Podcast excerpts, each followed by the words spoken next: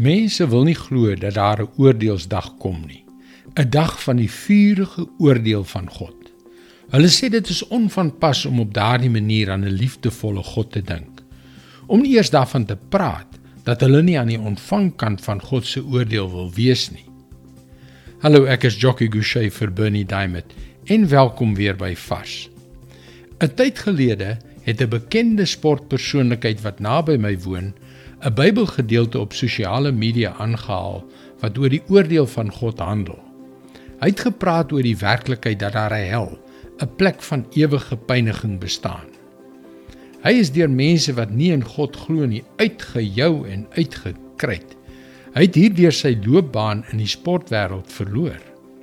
Wat my laat wonder het, wat is dit wat 'n klomp ateëste so aanstootlik gevind het toe hy van die hel gepraat het.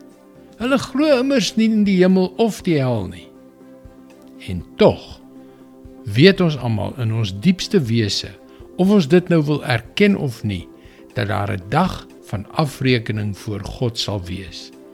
Maleagi 4 vers 1. Die dag kom en hy brand soos 'n oond. Die wat teen God in opstand is, almal wat verkeerd doen, sal die kaf wees en hulle sal verbrand word deur die dag wat kom, sê die Here die Almagtige. Daar sal van hulle nie 'n wortel, nie 'n tak oorbly nie. Hierdie vers skep beslis vreesaanjaende beelde en bevat skerp woorde van waarskuwing. Daar is niks fout met die feit dat ons aanspreeklik gehou sal word nie.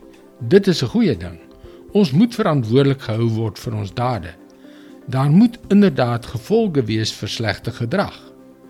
Nou ja, as ons in Jesus glo, moet ons onsself afvra: Het ek arrogant geword? Het ek in die bose verval?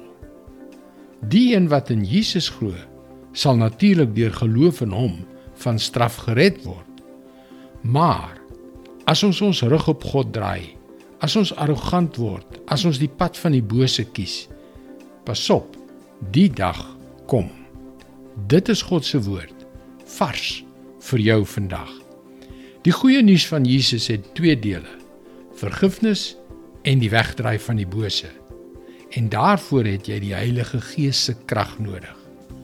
Die enigste soort gebed waarvan die Bybel ons leer is die soort wat kragtige resultate het. Ons sal baie graag saam met jou bid. Gaan gerus na powerfulprayer.org om jou gebedsversoek te deel.